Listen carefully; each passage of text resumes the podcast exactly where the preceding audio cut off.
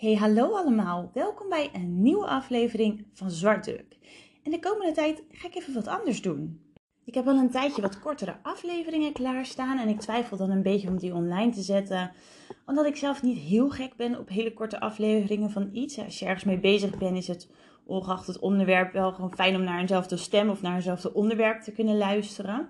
Dus eigenlijk door mijn eigen twijfels zet ik die dan niet online. Terwijl er ook mensen zijn die korte afleveringen wel fijn vinden. En het zijn natuurlijk ook gewoon verhalen over mensen die, ja, kort of lange afleveringen, dat zou natuurlijk eigenlijk niet uit moeten maken. Dus wat je de komende tijd wat vaker zult gaan zien, is dat er afwisselend de ene keer een wat langere en de andere keer twee kortere afleveringen online komen. Dan kan jij gewoon kiezen wat je daarin fijn vindt. Dan worden de verhalen toch ook bij zwartdruk verteld. En dan ben ik ook gelijk van mijn twijfels af. Prima compromis, dacht ik zo. En daarmee komen we gelijk aan het einde van onze huishoudelijke mededelingen en kunnen we door naar de zaak van vandaag. Die is getipt door een van onze zwartere collega's, namelijk door Sharenka. Dankjewel daarvoor. Het is een uh, verdrietige zaak die kijkers van het programma van Peter R. de Vries waarschijnlijk nog wel kennen. Het is er weer zo eentje waar hij zich ook echt voor heeft ingezet en dat hij ook echt weer een band kreeg met die familie. En voor die zaak gaan we vandaag naar Vollenhoven. Vollenhoven is een plaats in Overijssel. Volgens Google wonen er zo'n 4300 mensen.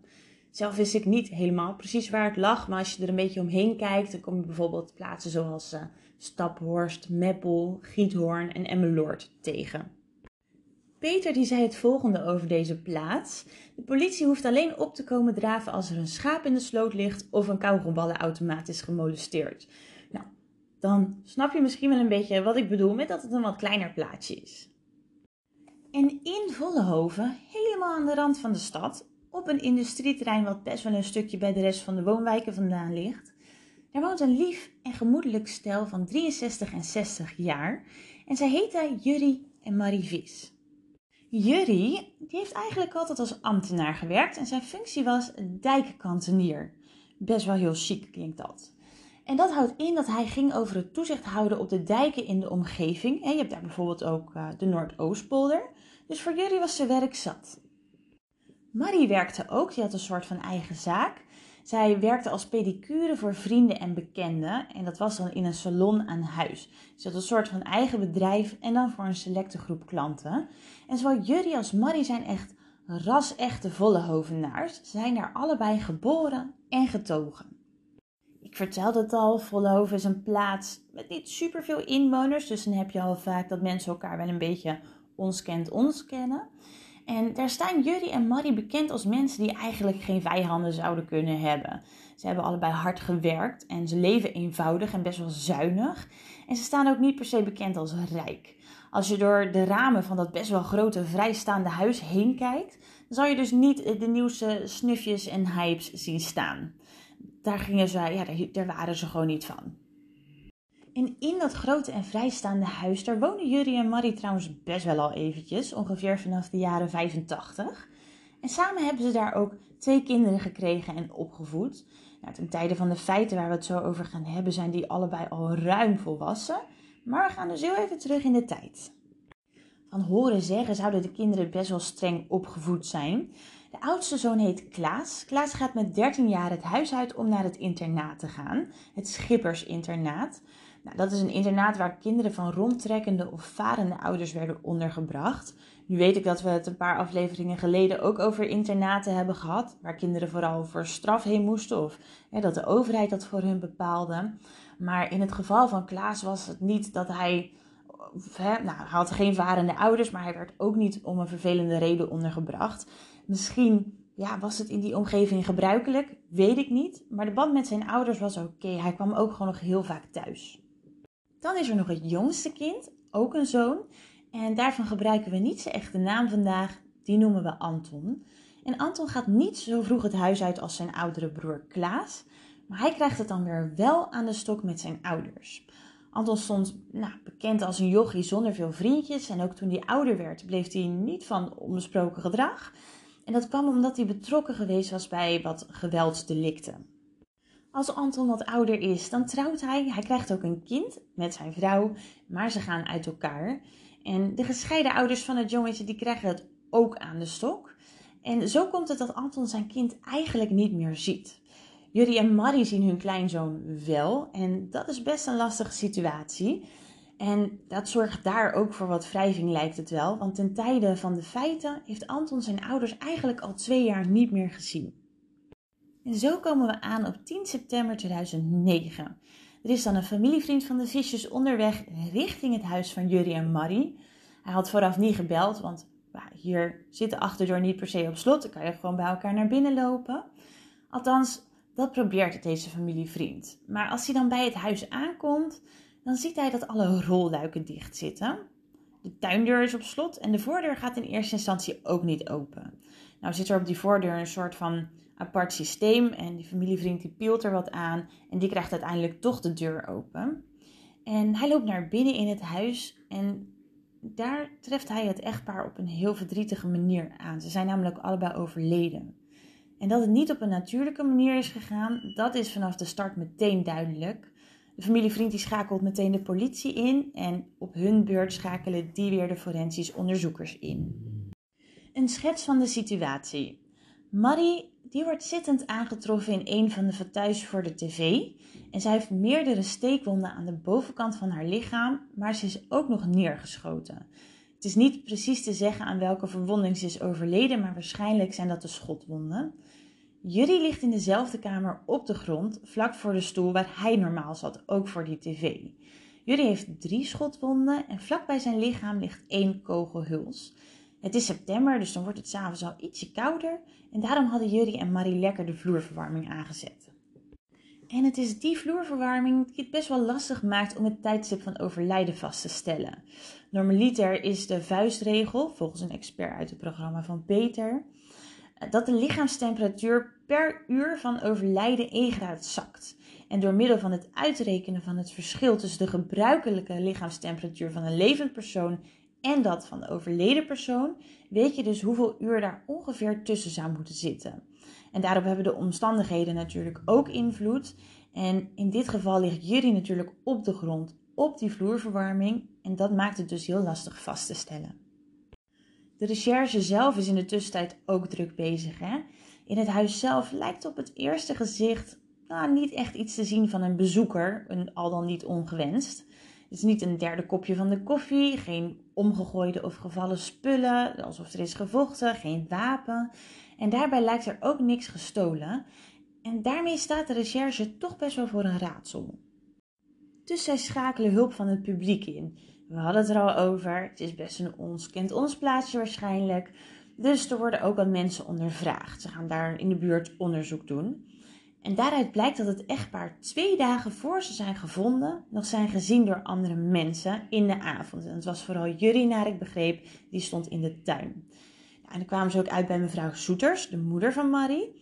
Die had op dinsdagavond, de dag voordat ze gevonden werden, die had nog gebeld, maar er werd niet opgenomen.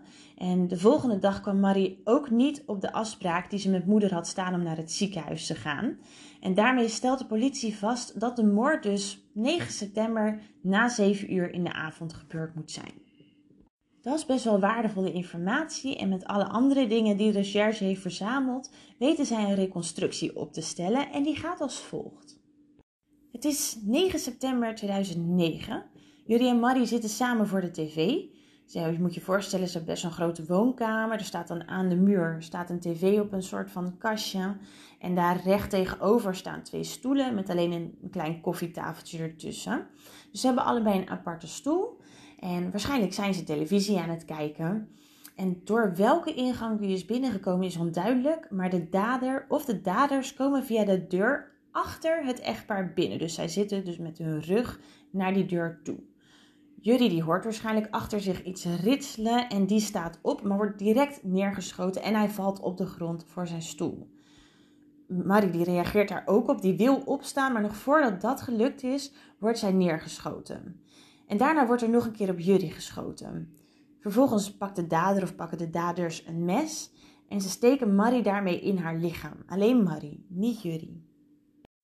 In die aanval ja, die lijkt gewoon super doelgericht. En de wijze waarop dat gebeurd is, dat doet de politie echt denken aan een afrekening in de onderwereld. En er is ook geen andere aanwijzing om dat tegen te spreken. Hè. Het lijkt bijvoorbeeld geen roofoverval geweest te zijn, Maar het lijkt dus eerder op een professionele liquidatie.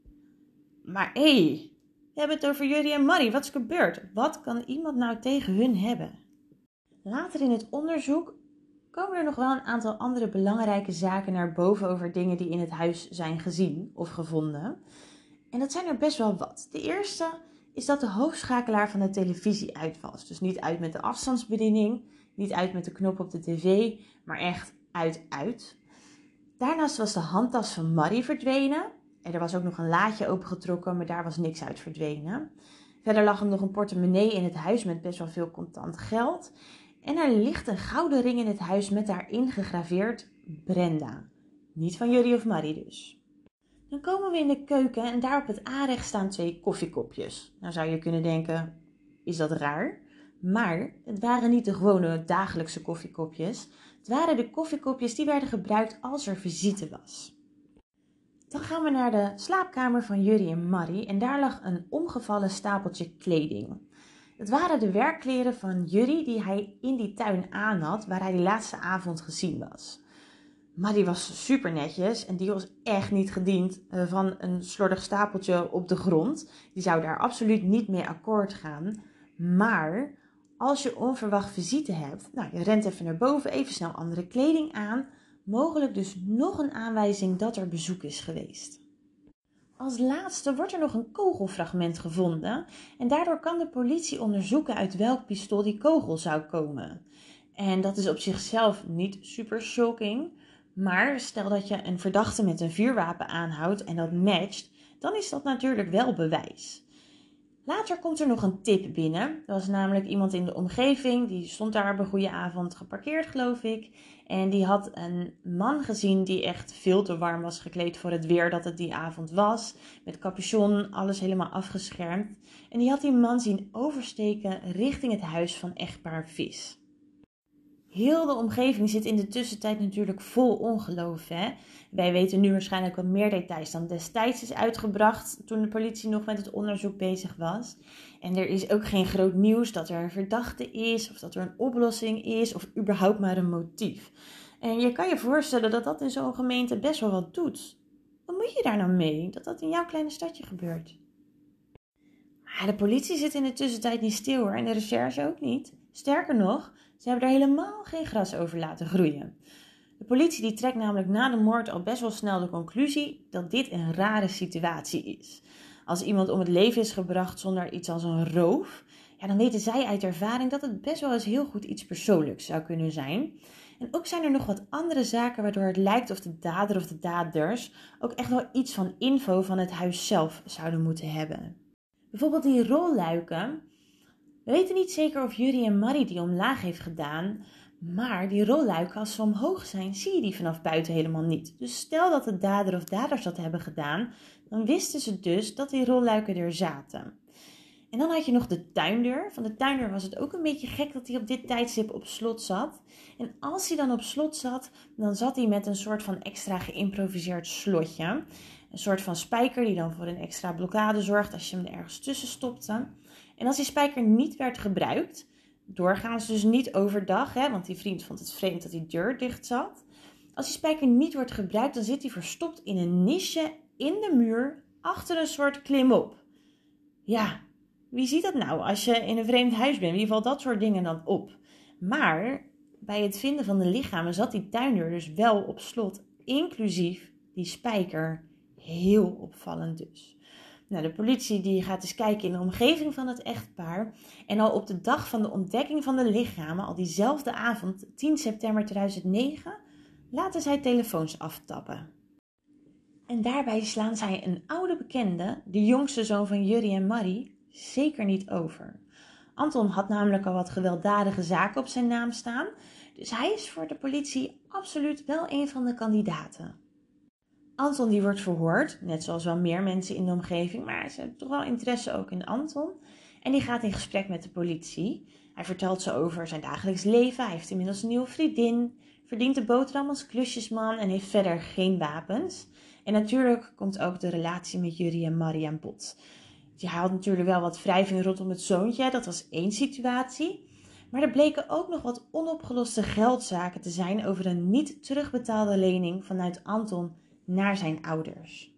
De politie vraagt daar ook eens bij anderen op door en dat lijkt wel wat op te leveren. Het ging namelijk zelfs zo ver dat als Anton op bezoek kwam, Marie haar portemonnee soms verstopte in een keukenkastje of in de vriezer, gewoon door de angst om geld kwijt te raken. En dat dat niet helemaal soepel ging, die band, dat kon ook oma Soeters bevestigen. Want die was erbij toen er een telefonische ruzie was waarbij Anton heel erg lelijk had gedaan tegenover Marie. Maar goed, ja, wie heeft er nou nooit ruzie met zijn ouders? En daarbij, Anton heeft gewoon een sluitend alibi. Hij was namelijk met zijn vriendin in Emmen en ze hadden ook gewoon de kaartjes van de bus bewaard. En als ze de getuigen die die ingepakte man hadden gezien die avond, als ze die vragen om eens naar wat foto's te kijken, dan herkent hij in Anton niet de man die hij had zien lopen. Ja, dus daar kunnen ze niet echt wat mee. Politie kijkt nog even verder, nog even naar andere scenario's. En zo was er niet lang voor de moord op het echtpaar een ander incident met vuurwapens waarbij ook geschoten is. Daar waren eh, twee overvallers die wilden wat plantjes meenemen van een wietkwekerij vlakbij Vollenhoven. En de beveiliger had op die overvallers geschoten. Ja, in één omgeving twee van zulke dingen zou dat misschien wat met elkaar te maken kunnen hebben. Maar politie bekijkt echt nog allerlei andere zaken en mogelijke scenario's. En ze bedenken van alles. Maar ze blijven telkens maar op één conflict en dus één verdachte terugkomen. En dat was zo'n Anton. Dus we pakken zijn dossier er nog maar eens even bij. Ze zien dat Anton, toen hij nog getrouwd was, toen ze net dat zoontje hadden, toen werd hij eh, ontslagen. De relatie ging niet super met zijn vrouw. En Anton raakte betrokken bij een eenzijdig ongeluk. En dat leek een beetje op een mislukte zelfmoordpoging. Anton zat in die periode ook helemaal niet lekker in zijn hoofd. En hij wordt dan ook kort opgenomen in een kliniek in Duitsland. Dan zou je denken, waarom Duitsland? Maar daar woonde hij destijds. En vlak daarna, in 2007, dan gaat hij dus scheiden met zijn vrouw, met zijn ex-vrouw. En daarna begint de ellende rondom hun zoontje. Na de scheiding neemt Anton het er even helemaal van. Hij gaat regelmatig uit, hij pakt dan ook letterlijk uit en hij bespaart daarbij geen enkele euro.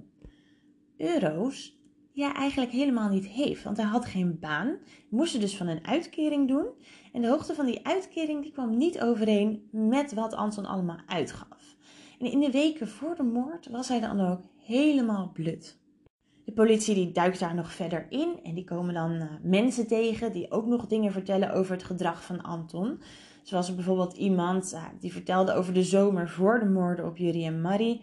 Dat Anton werd geweigerd bij een club vanwege een openstaande rekening. En ja, de dame die hem weigert in de ochtend, als die club dicht is, gaat zij naar huis. En dan valt Anton haar aan met een pistool. En dat zegt twee dingen. Anton is het gewelddadige gedrag nog niet kwijt. En hij heeft wel een wapen. En dan komt er nog een barsje in het verhaal van Anton. Hij zei dat hij zijn ouders al twee jaar niet had gezien en dat hij al één jaar helemaal niet in Vollenhoven was. Maar dat was niet waar, want hij was op 8 september 2009 gesignaleerd op een terras. En hij is die dag door meerdere mensen gezien en hij zou samen met iemand anders uit de stad gezien worden. Maar dat wordt door deze persoon en de eigenaar van het café weer weerlegd. En dan kom je weer uit op dat getuigen niet altijd super betrouwbaar zijn. En welke van de twee getuigen ga je dan opvolgen? Degene die zei dat ze hem niet hebben gezien? Of degene die zei dat ze hem wel hadden gezien? Niks mee. Maar daar blijft het niet bij hoor, als het gaat om uh, mistige zaken. Het is inmiddels 2010.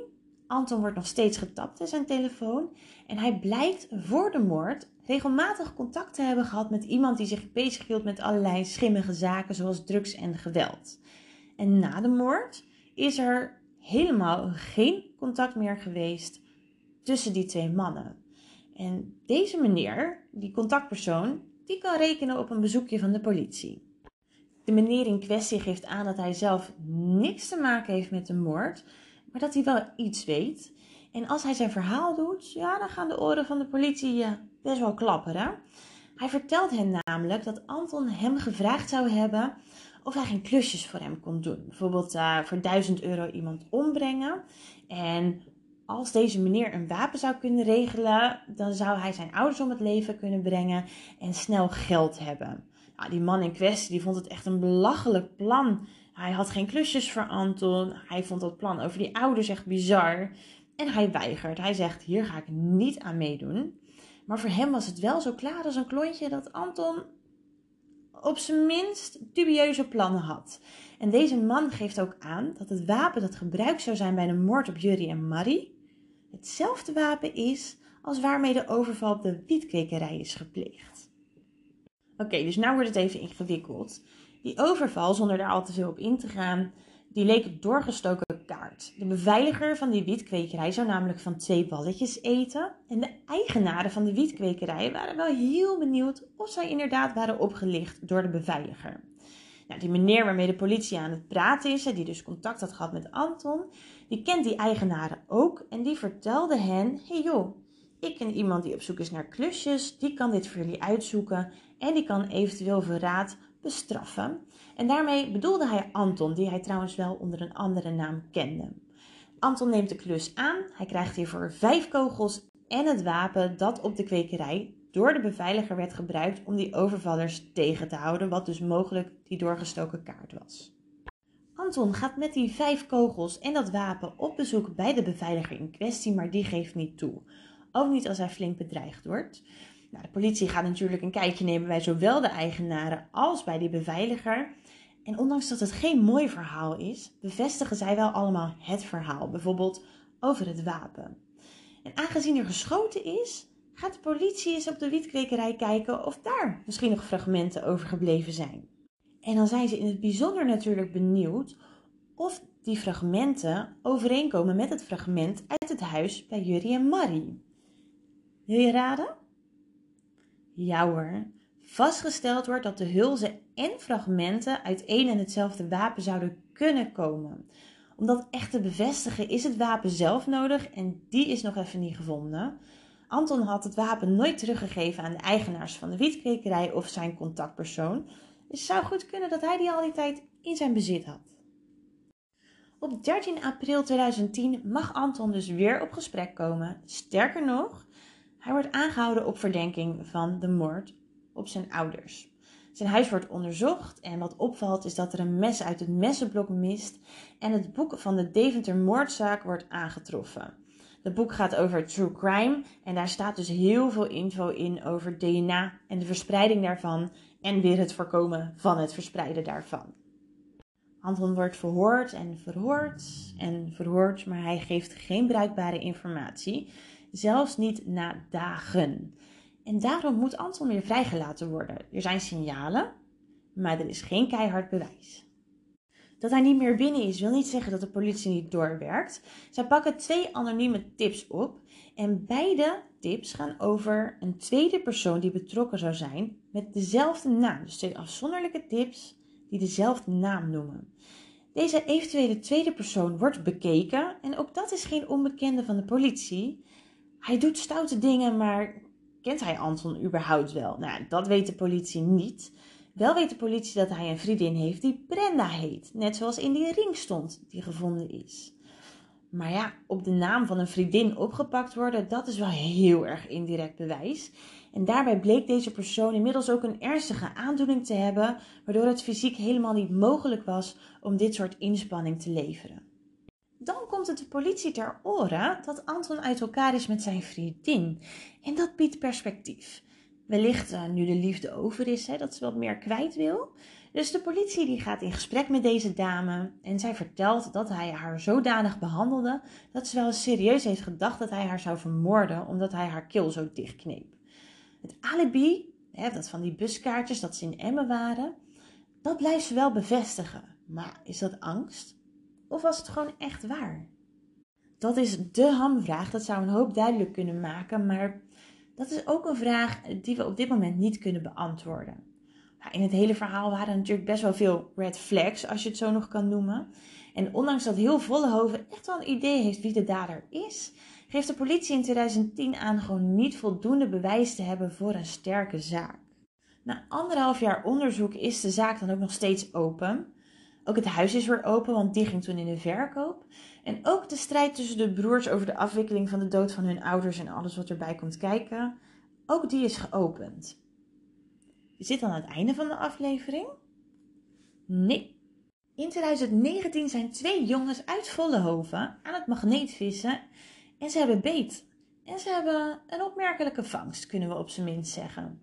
Ze halen een nepwapen uit het water. Dachten ze. Het bleek namelijk een echt wapen te zijn. Ze schakelen de politie in en deze doet ook onderzoek naar het wapen. Want ja, heel Vollenhoven kent natuurlijk die zaak van Jury en Marie. Dus die link is gewoon al snel gelegd. Maar dat was dan ook wel de enige link. Want het wapen lijkt niet voor dit feit gebruikt te zijn. En is ook niet bekend van andere feiten. Is de aflevering hier dan mee afgelopen? Ook nee. In februari van dit jaar nog, 2023, wordt bekend dat DNA dat gevonden was op de crime scene is opgestuurd naar het NFI, het Nederlands Forensisch Instituut, om opnieuw onderzocht te worden met de allernieuwste technieken. Maria en Jury zijn niet vergeten en hun zaak ook niet. En hopelijk is het een van die zaken die voor familie en vrienden dat vretende stukje weg kan halen. Na al die jaren. Maar op dit moment moeten we het nog eventjes afwachten. Is dit dan het einde van de aflevering? Ja, ik heb geen plot twist meer. Dit was hem. Sharenko, bedankt voor het aanstippen van de zaak en de nieuwe ontwikkelingen. Heel spannend wat eruit gaat komen. Mocht er nieuws zijn, dan breng ik het jullie hier. Heb je zelf nou een suggestie, een tip of een opmerking voor iets wat je in de podcast terug wil horen? Stuur dan een bericht naar het mailadres in de show notes. Voor nu dankjewel voor het luisteren. Geniet van je dag en de mensen om je heen. En tot snel hè. Doeg!